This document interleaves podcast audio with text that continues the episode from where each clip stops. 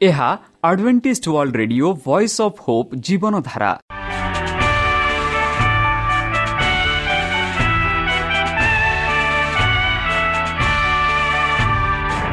Odia radio କାର୍ଯ୍ୟକ୍ରମ ଯାହା ଆମର ଆନ୍ତର୍ଜାତୀୟ ଆଘାତ କେନ୍ଦ୍ରରୁ ପ୍ରସାରଣ କରାଯାଉଛି ପ୍ରତିଦିନ ରାତି ନଅଟା ତିରିଶ ମିନିଟ୍ରେ। ମୁଁ ସୁବ୍ରତ କୁମାର ପତି ପ୍ରେମର ସହ ଆପଣମାନଙ୍କୁ ଏହି କାର୍ଯ୍ୟକ୍ରମକୁ ସ୍ୱାଗତ କରୁଅଛି। ଚାଲନ୍ତୁ ଆଜିର ତିରିଶ ମିନିଟ୍ର କାର୍ଯ୍ୟକ୍ରମ ବିଷୟରେ ଜାଣିନେବା। ପ୍ରଥମେ ରଖିଛୁ ଆଧ୍ୟାତ୍ମିକ ଭକ୍ତିମୟ ଗୀତ। ଏହାପରେ ଶୁଣିବା ସ୍ୱାସ୍ଥ୍ୟ ବିଷୟରେ ଯାହା ଆମର ଦୈନିକ ଜୀବନରେ ଅତ୍ୟନ୍ତ ଜରୁରୀ। ଆଉ ପରିଶେଷରେ ଶୁଣିବା ପରମେଶ୍ୱରଙ୍କ ଭକ୍ତଙ୍କଠାରୁ ଜୀବନଦାୟକ ଈଶ୍ୱରଙ୍କ ବାକ୍ୟ। ପ୍ରିୟ ଶ୍ରୋତା ତାହେଲେ ଚାଲନ୍ତୁ ଶୁଣିବା ଏକ ଆଧ୍ୟାତ୍ମିକ ଭକ୍ତିମୟ ଗୀତ।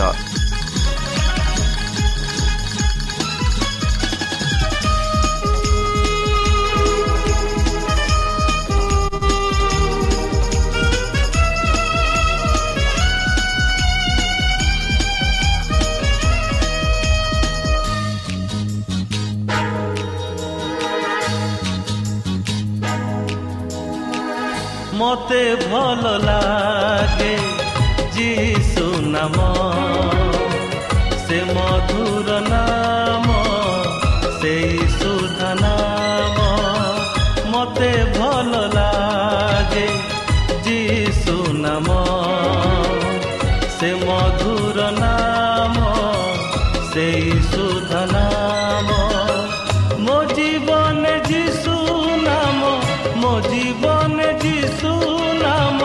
ସବୁ ନାମ ଠାରୁ ଅନୁପମ। ମତେ ଭଲ ଲାଗେ ଯୀଶୁ ନାମ। ସେ ମଧୁର ନାମ ସେଇ ସୁଧ ନାମ।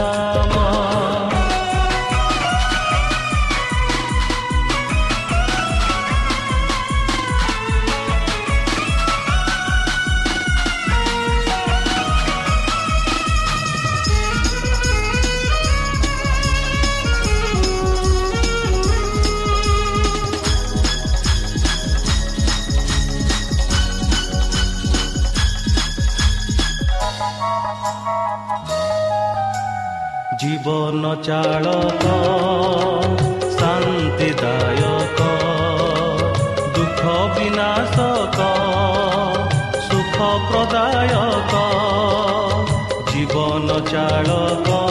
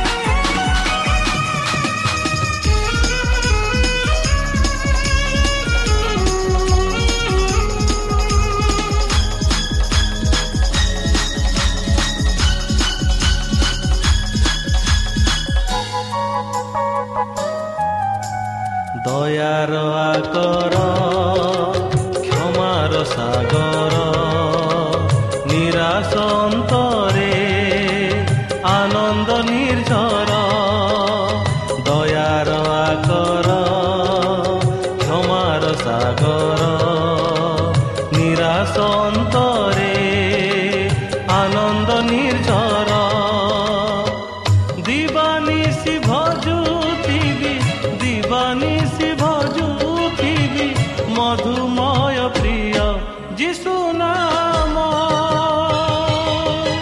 ମତେ ଭଲ ଲାଗେ ଯୀଶୁ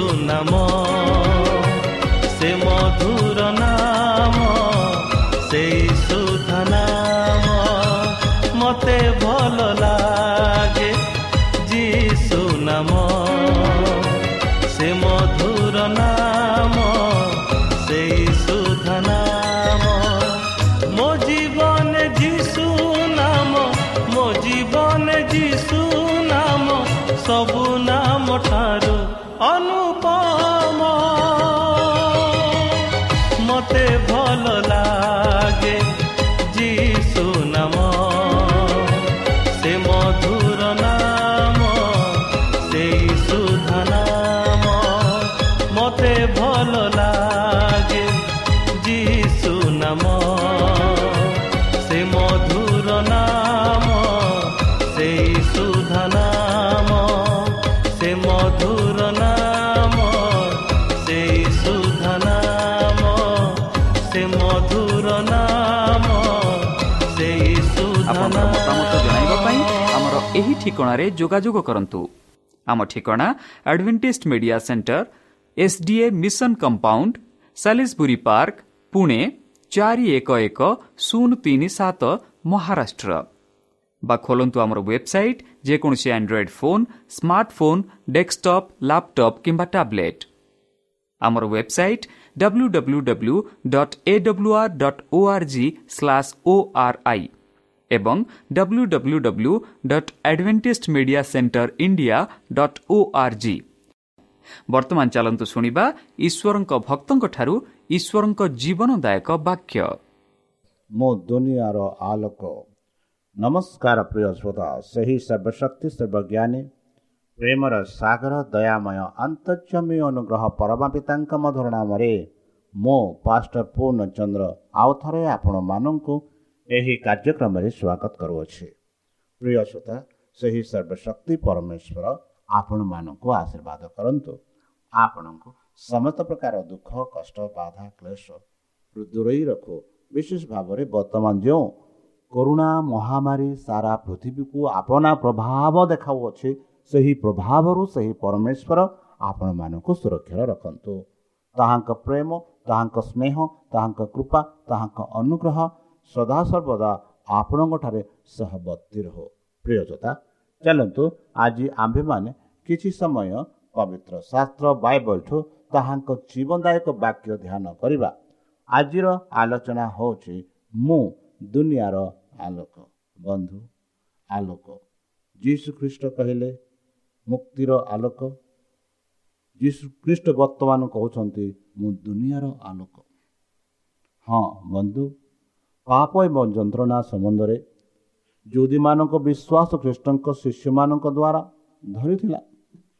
ଯୀଶୁ ସେମାନଙ୍କୁ ତ୍ରୁଟି ସଂଶୋଧନ କଲାବେଳେ ସେ ସେହି ଲୋକର ଦୁଃଖର କାରଣ ବୁଝାଇଲେ ନାହିଁ।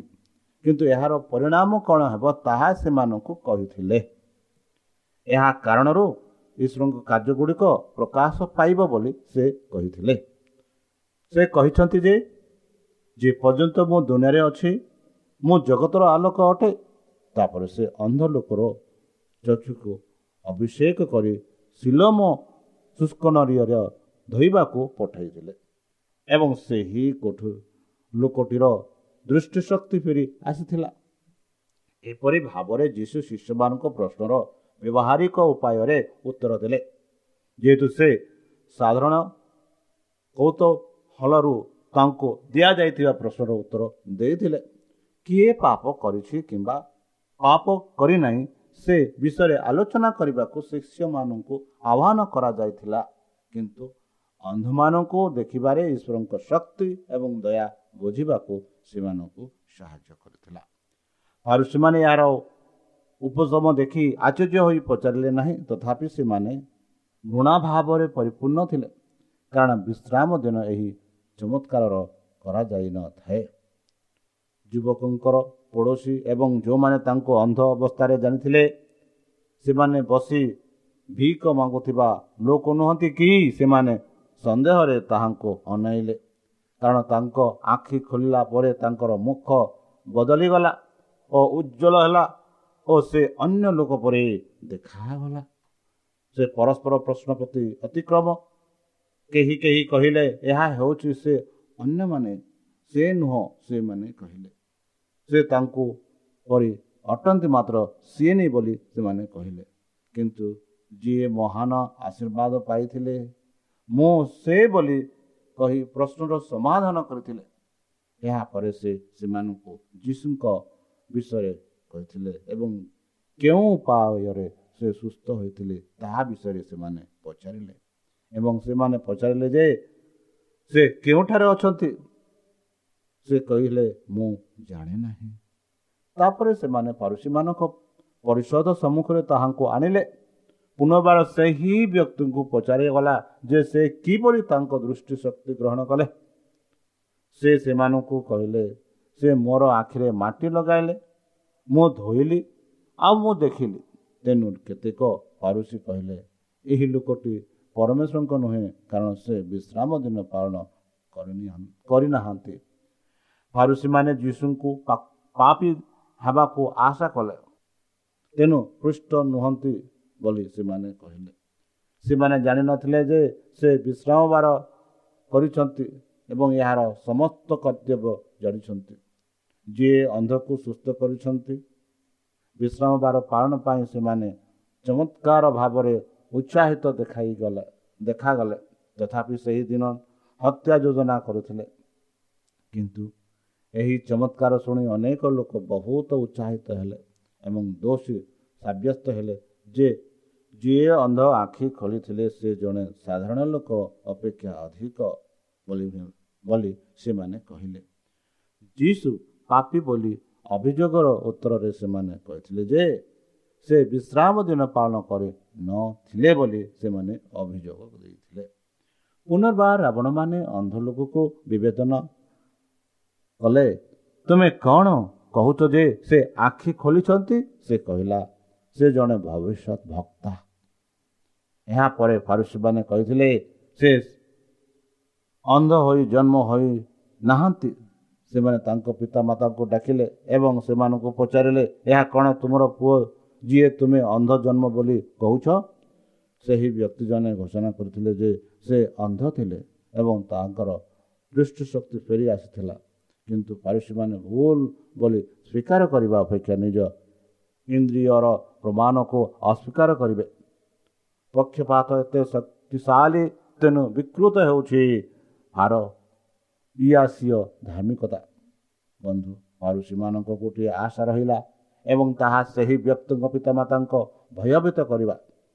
ଶ୍ରେଷ୍ଠ ଆନ୍ତରିକତାର ସହିତ ସେମାନେ ପଚାରିଲେ ସେ ବର୍ତ୍ତମାନ କିପରି ଦେଖୁଛନ୍ତି? ପିତାମାତାମାନେ ଆପୋଷ ବୁଝାମଣା କରିବାକୁ ଭୟ କରୁଥିଲେ। କାରଣ ଏହା ଘୋଷଣା କରାଯାଇଥିଲା ଯେ ଯିଏ ଯୀଶୁଙ୍କୁ ଖ୍ରୀଷ୍ଟ ବୋଲି ସ୍ୱୀକାର କରିବା ଉଚିତ ସେ ସମାଜ ଗୃହର ବାହାର କରାଯିବା ଉଚିତ ବୋଲି ସେମାନେ ଘୋଷଣା କରିଥିଲେ। ଅର୍ଥାତ୍ ତିରିଶ ଦିନ ସମାଜ ଗୃହର ବାଦ ଦିଆଯିବା ଉଚିତ। ଏହି ସମୟ ମଧ୍ୟରେ କୌଣସି ଶିଶୁ ସୁନ୍ନତ ହୋଇପାରିବ ନାହିଁ କିମ୍ବା ଅପରାଧୀଙ୍କ ଘରେ ମୃତ୍ୟୁଙ୍କ ବିଲାପ କରାଯାଇପାରିବ ନାହିଁ। ଏହି ଦଣ୍ଡକୁ ଏକ ବଡ଼ ବିପର୍ଯ୍ୟୟ ଭାବରେ ବିବେଚନା କରାଯାଉଥିଲା ଏବଂ ଯଦି ଏହା ଅନୁତାପ କରିପାରେ ବିଫଳ ହୁଏ ତେବେ ଏକ ଅଧିକ ଭାରି ଦଣ୍ଡ ଅନୁସରଣ ହେବ।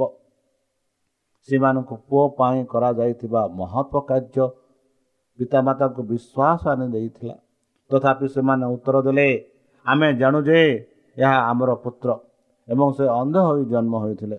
କିନ୍ତୁ ବର୍ତ୍ତମାନ ସୁଦ୍ଧା ସେ ଦେଖ ଆମେ ଜାଣୁନାହୁଁ କିମ୍ବା କିଏ ଆଖି ଖୋଲିଛି ଆମେ ଜାଣୁନାହୁଁ ସେ ବୟସ ତାଙ୍କୁ ପଚାର ସେ ନିଜ ପାଇଁ ସେ କହିପାରିବ ଏହିପରି ସେମାନେ ସମସ୍ତ ଦାୟିତ୍ୱ ନିଜ ନିଜ ପୁଅକୁ ଦେଲେ କାରଣ ସେମାନେ ଖ୍ରୀଷ୍ଟଙ୍କୁ ସ୍ୱୀକାର କରିବାକୁ ସାହସ କଲେ ନାହିଁ ବନ୍ଧୁ ଯେଉଁ ଦ୍ୱନ୍ଦ୍ୱରେ ପାରୁସୀମାନଙ୍କୁ ରଖାଯାଇଥିଲା ସେମାନଙ୍କ ପ୍ରଶ୍ନ ଏବଂ ପକ୍ଷପାତିତା ମାମଲାର ସତ୍ୟାର ଉପରେ ସେମାନଙ୍କ ଅବିଶ୍ୱାସ ଜନସାଧାରଣଙ୍କ ବିଶେଷ କରି ସାଧାରଣର ଲୋକଙ୍କ ଆଖି ଖୋଲିଥିଲା। ଯୀଶୁ ବାରମ୍ବାର ଖୋଲା ରାସ୍ତାରେ ନିଜର ଚମତ୍କାର ପ୍ରଦର୍ଶନ କରୁଥିଲେ ଏବଂ ଦୁଃଖ ଦୂର କରିବା ପାଇଁ ତାଙ୍କର କାର୍ଯ୍ୟ ସର୍ବଦା ଏକ ଚରିତ୍ର ଥିଲା।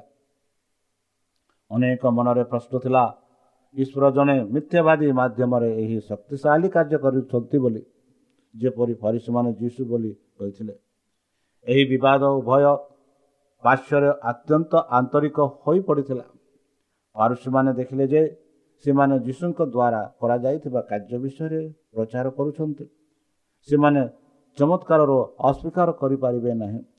ଅନ୍ଧ ଲୋକଟି ଆନନ୍ଦ ଓ କୃତଜ୍ଞତାରେ ପରିପୂର୍ଣ୍ଣ ହେଲା। ସେ ପ୍ରକୃତର ଚମତ୍କାର ଜିନିଷ ଗୁଡ଼ିକ ଦେଖି ପୃଥିବୀ ଓ ଆକାଶର ସୌନ୍ଦର୍ଯ୍ୟ ଆନନ୍ଦିତ ହେଲେ। ସେ ତାଙ୍କ ଅଭିଜ୍ଞତାକୁ ମୁକ୍ତ ଭାବରେ ଜଣାଇଲେ। ଏବଂ ପୁନର୍ବାର ସେମାନଙ୍କ ତାଙ୍କୁ ଚୁପ୍ କରିବାକୁ ଚେଷ୍ଟା କଲେ। ଈଶ୍ୱରଙ୍କୁ ପ୍ରଶଂସା ଦିଅ। ଆମେ ଜାଣୁ ଯେ ଏହି ବ୍ୟକ୍ତି ଜଣେ ପାପୀ। ତାହା ହେଉଛି ପୁନର୍ବାର କୁହ ନାହିଁ ଯେ ଏହି ବ୍ୟକ୍ତି ତୁମର ଦର୍ଶନ ଦେଇଛନ୍ତି। ପରମେଶ୍ୱର ହିଁ ଏହା କରିଛନ୍ତି। ଅନ୍ଧ ଜନକ ଉତ୍ତର ଦେଲା ସେ ପାପୀ କୁହନ୍ତୁ ନା ନା ମୁଁ ଜାଣେ ନାହିଁ। ଗୋଟିଏ କଥା ମୁଁ ଜାଣେ। ଯେତେବେଳେ ମୁଁ ଅନ୍ଧ ଥିଲି ବର୍ତ୍ତମାନ ମୁଁ ଦେଖୁଛି ତାପରେ ସେମାନେ ପୁନର୍ବାର ପଚାରିଲେ ସେ ତୁମକୁ କ'ଣ କଲା? ସେ ତୁମର ଆଖି କିପରି ଖୋଲିଲା? ଅନେକ ଶବ୍ଦ ବା ଅନେକ ବାକ୍ୟ ସହିତ ସେମାନେ ତାଙ୍କୁ ବିଭ୍ରାନ୍ତ କରିବାକୁ ଚେଷ୍ଟା କଲେ। ମହାଫଳରେ ସେ ନିଜକୁ ଭ୍ରାନ୍ତ ଭାବି ପାରନ୍ତି। ଶୟତାନ ଏକ ତାଙ୍କର ମନ୍ଦ ଦୂତମାନେ ପାରୁଷୀମାନଙ୍କ ପକ୍ଷରେ ଥିଲେ ଏବଂ ଖ୍ରୀଷ୍ଟଙ୍କ ପ୍ରଭାବକୁ ପ୍ରତିହତ କରିବା ପାଇଁ ମନୁଷ୍ୟର ମୁକ୍ତି ସହିତ ସେମାନଙ୍କ ଶକ୍ତି ଏବଂ କୃଷ୍ଣତାକୁ ଏକତ୍ର କଲେ। ଅନେକ ମନରେ ଗଭୀରତା ଥିବା ବିଶ୍ୱାସକୁ ସେମାନେ ଖଣ୍ଡନ କଲେ। ଈଶ୍ୱରଙ୍କ ଦୂତମାନେ ମଧ୍ୟ ସେହି ବ୍ୟକ୍ତିଙ୍କୁ ଶକ୍ତିଶାଳୀ କରିବା ପାଇଁ ଭୂମିରେ ଥିଲେ ଯାହା ଦୃଷ୍ଟିଶକ୍ତି ପୁନର୍ସ୍ଥାପିତ ହୋଇଥିଲା। ବନ୍ଧୁ ଆଉ ସେମାନେ ବୁଝିପାରିଲେ ନାହିଁ ଯେ ସେମାନଙ୍କ ଅନ୍ଧ ଜନ୍ମ ହୋଇଥିବା ଅଶିକ୍ଷିତ ବ୍ୟକ୍ତିଙ୍କ ବ୍ୟତୀତ ଅନ୍ୟ କାହା ସହିତ ସାମନା କରିବାକୁ ପଡ଼ିବ। ସେମାନେ ତାହାକୁ ଜାଣିନଥିଲେ ଯାହାଙ୍କ ସହ ସେମାନେ ବିବାଦ କରୁଥିଲେ। ଅନ୍ଧ ଲୋକର ପ୍ରାଣର କୋଠରୀରେ ଈଶ୍ୱରୀୟ ଆଲୋକ ଉଜ୍ଜଳ ହେଲା। ଯେହେତୁ ଏହି କପଟିମାନେ ତାଙ୍କୁ ଅବିଶ୍ୱାସ କରିବାକୁ ଚେଷ୍ଟା କଲେ ଈଶ୍ୱର ତାଙ୍କୁ ତାଙ୍କ ଉତ୍ତରରେ ଦୃଢ଼ତା ଏବଂ ନିର୍ଦ୍ଦେଶତା ଦ୍ୱାରା ଦେଖାଇବାକୁ ସାହାଯ୍ୟ କଲେ ଯେ ସେ ଫାନ୍ଦରେ ପଡ଼ିବେ ନାହିଁ। ସେ ଉତ୍ତର ଦେଲେ ମୁଁ ତୁମକୁ କହିସାରିଛି କିନ୍ତୁ ତୁମେ ଶୁଣିନାହଁ। ତୁମେମାନେ କାହିଁକି ତାହା ଶୁଣିବ? ତୁମମାନେ ତାହାଙ୍କ ଶିଷ୍ୟ ହେବ।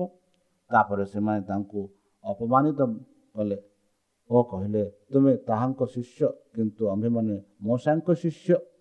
ଆମେ ଜାଣୁ ଯେ ମଶା ଈଶ୍ୱର ଈଶ୍ୱର ମଶାଙ୍କ ସହିତ କଥାବାର୍ତ୍ତା ହୋଇଥିଲେ। ପ୍ରଭୁ ଯୀଶୁ ସେହି ଯନ୍ତ୍ରଣା ବିଷୟରେ ଜାଣିଥିଲେ ଏବଂ ସେ ତାଙ୍କୁ ଅନୁଗ୍ରହ ଓ ଉଚ୍ଚାରଣ ଦେଇଥିଲେ ଯାହାଫଳରେ ସେ ଖ୍ରୀଷ୍ଟଙ୍କ ସାକ୍ଷୀ ହେଲେ। ସେ ଫାରୁସୀମାନଙ୍କୁ ବାକ୍ୟରେ ଉତ୍ତର ଦେଲେ ଯାହା ତାଙ୍କ ପ୍ରଶ୍ନକର୍ତ୍ତାଙ୍କୁ କଟୁ ସମାଲୋଚନା କରିଥିଲା। ସେମାନେ ଶାସ୍ତ୍ରର ପ୍ରକାଶକ ଜାତିର ଧାର୍ମିକ ମାର୍ଗଦର୍ଶନ ବୋଲି ଦାବି କରୁଥିଲେ ଏବଂ ତଥାପି ଏଠାରେ ଜଣେ ଚମତ୍କାର ପ୍ରଦର୍ଶନ କରୁଥିଲେ। ଏବଂ ସେମାନେ ତାଙ୍କ ଶକ୍ତିର ଉତ୍ସ ଏବଂ ତାଙ୍କ ଚରିତ୍ର ଏବଂ ଦାବି ବିଷୟରେ ଅଜ୍ଞ ଥିଲେ। ବନ୍ଧୁ ଲୋକଟି କହିଲା ଏଠାରେ କାହିଁକି ଏକ ଆଶ୍ଚର୍ଯ୍ୟଜନକ ଜିନିଷ ଅଛି? ସେ ଜାଣିନାହାନ୍ତି ଯେ ସେ କେଉଁଠାରୁ ଆସୁଛନ୍ତି। ତଥାପି ସେ ମୋର ଆଖି ଖୋଲିଛନ୍ତି। ବର୍ତ୍ତମାନ ଆମେ ଜାଣୁ ଯେ ପାପି ପାପ କରନ୍ତି ନାହିଁ କିନ୍ତୁ ଯଦି କୌଣସି ଲୋକ ଈଶ୍ୱରଙ୍କ ଉପାସକ ସେ ନିଜ ଇଚ୍ଛା ପାଳନ କରନ୍ତି ଯାହା ସେ ଶୁଣନ୍ତି ଜଗତ ଆରମ୍ଭରୁ ଶୁଣିବାକୁ ମିଳିଲା ନାହିଁ ଯେ ଅନ୍ଧ ଜନ୍ମ ହୋଇଥିବା ବ୍ୟକ୍ତିଙ୍କ ଆଖି ଖୋଲିଛି। ଯଦି ଏହି ବ୍ୟକ୍ତିଙ୍କ ଈଶ୍ୱରଙ୍କ ନୁହନ୍ତି ତେବେ ସେ କିଛି କରିପାରିବେ ନାହିଁ। ବନ୍ଧୁ। ବ୍ୟକ୍ତି ଜଣକ ନିଜ ନିଜ ଭୂମିରେ ତାଙ୍କ ଅନୁସନ୍ଧାନକାରୀଙ୍କ ଭେଟିଥିଲେ ତାଙ୍କର ମୁକ୍ତି ଉତ୍ତରହୀନ ଥିଲା। ପାରୁଷୀମାନେ ଆଶ୍ଚର୍ଯ୍ୟ ହୋଇଗଲେ ଏବଂ ସେମାନେ ସେମାନଙ୍କର ଶାନ୍ତି ସ୍ଥିର କଲେ। କିଛି କ୍ଷଣ ପାଇଁ ନିରବତା ରହିଲା। ତାପରେ ଭ୍ରାନ୍ତ ପୁରୋହିତ ଏବଂ ରାବଣମାନେ ସେମାନଙ୍କ ବସ୍ତ୍ର ପରିଧାନ କଲେ।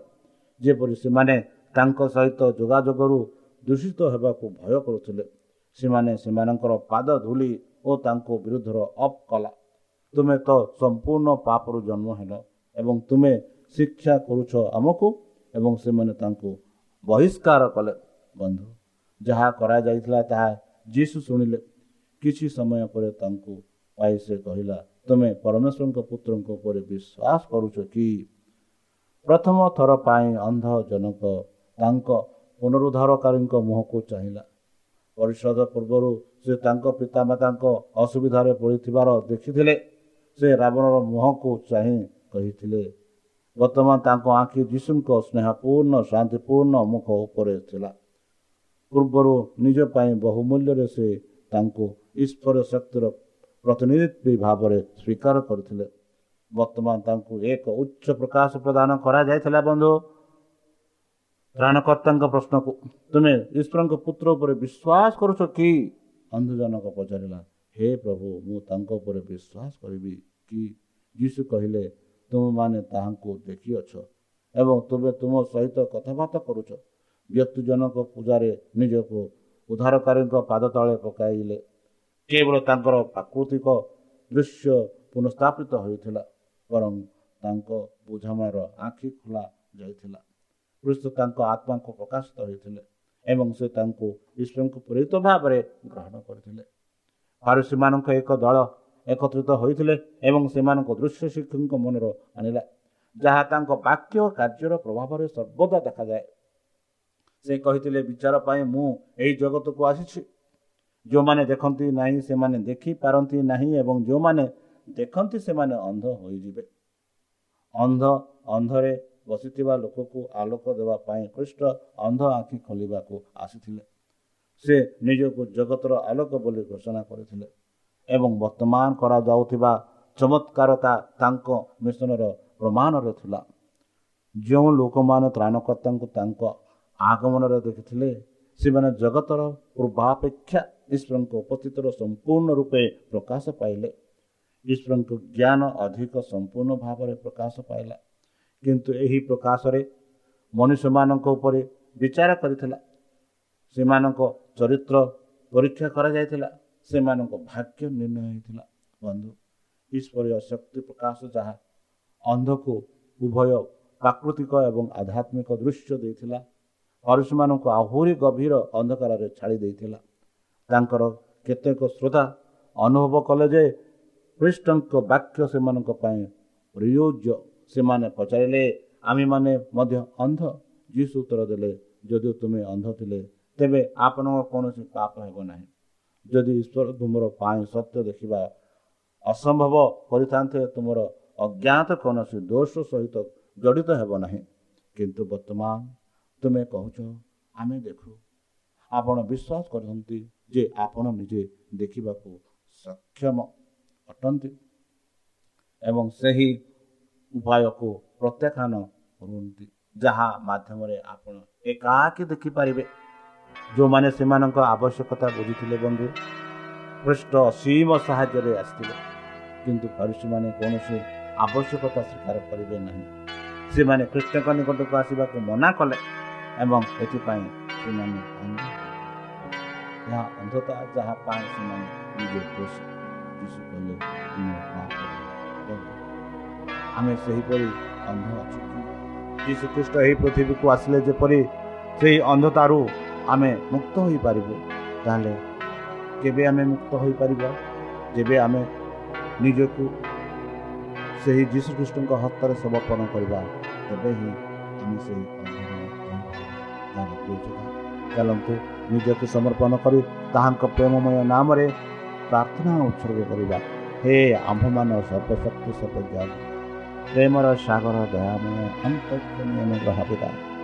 ଧନ୍ୟବାଦ ଅର୍ପଣ କରୁଛୁ ପ୍ରଭୁ ବର୍ତ୍ତମାନ ଯେଉଁ ବାକ୍ୟ ତୁମ ସେହି ଭକ୍ତଙ୍କ ଦ୍ୱାରା ଶୁଣେଇଥିଲେ ସେହି ବାକ୍ୟ ଅନୁସାରେ ଏମାନଙ୍କୁ ଚାଲିବା ପାଇଁ ବୁଦ୍ଧିରେ ଜ୍ଞାନରେ ଶକ୍ତିରେ ପରିପୂର୍ଣ୍ଣ ଆମ ପାପ ସବୁ ତୁମ ସେହି ବହୁମୂଲ୍ୟ ରକ୍ତରେ ପରିଷ୍କାର କରି ଧୋଇଦିଅ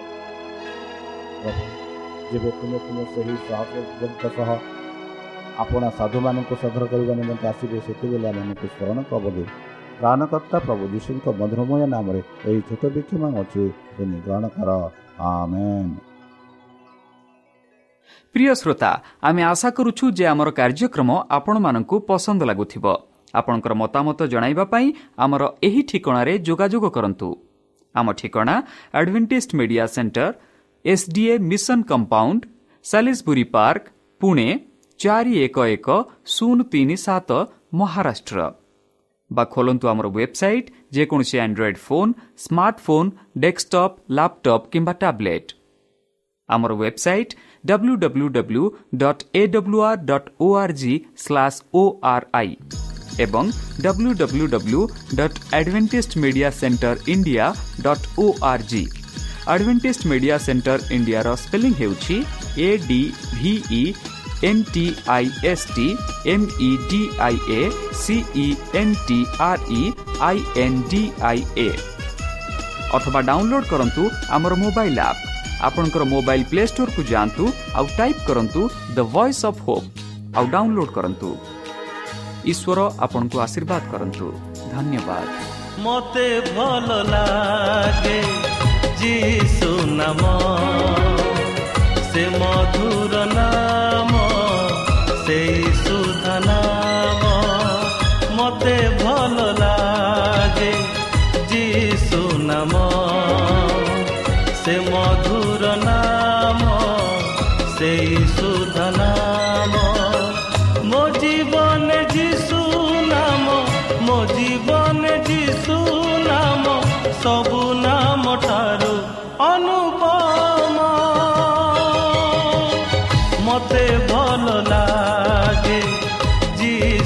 ଯୀଶୁ ନାମ ସେ ମଧୁର ନାମ ସେଇ ସୁଧ ନାମ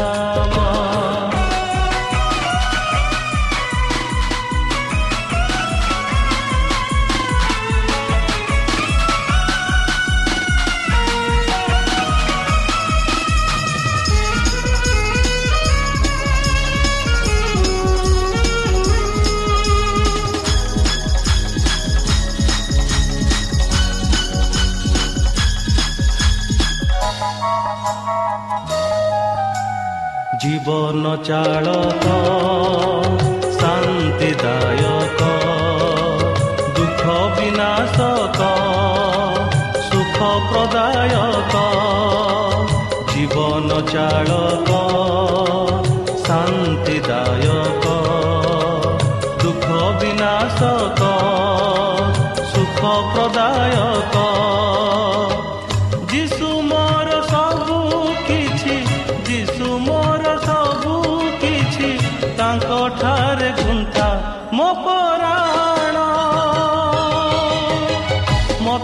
ଭଲ ଲାଗେ ଯିଶୁ ନାମ